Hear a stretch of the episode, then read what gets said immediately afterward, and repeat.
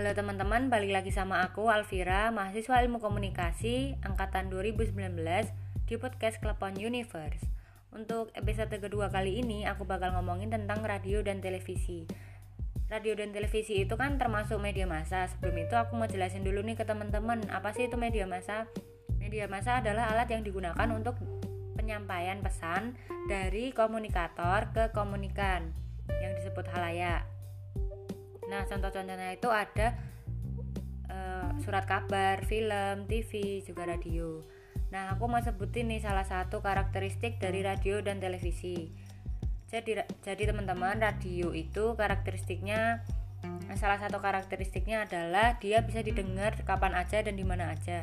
Sedangkan kalau televisi itu perlu perhatian khusus untuk menikmatinya. Ya walaupun sekarang TV itu bisa dinikmati secara streaming maksudnya gimana sih? Kan sama aja nih bisa dinikmati di mana aja dan kapan aja. Terus bedanya apa? Jadi gini penjelasannya. Kalau kita nonton TV kita perlu memfokuskan dua indera kita yaitu mata dan telinga. Karena TV mengeluarkan gambar. Sedangkan radio kita cuma perlu memfokuskan satu indera kita yaitu telinga. Karena nggak ada gambarnya. Jadi menurutku yang bikin beda TV sama radio itu karakteristik yang bikin beda itu hmm. cuma di cara bagaimana menikmatinya teman-teman.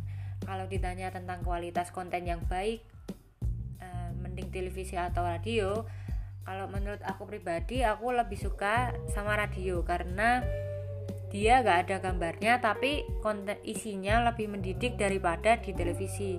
Di televisi sekarang banyak konten yang menurut aku nggak penting cuma sekedar menghibur tapi nggak ada faedahnya Contohnya seperti rumah-rumahan yang di yang isinya cuma marah-marah itu sama janji-janji yang di TV saudaranya. Hehe.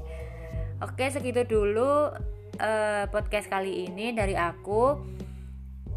Sampai jumpa di episode berikutnya ya, teman-teman. Terima kasih.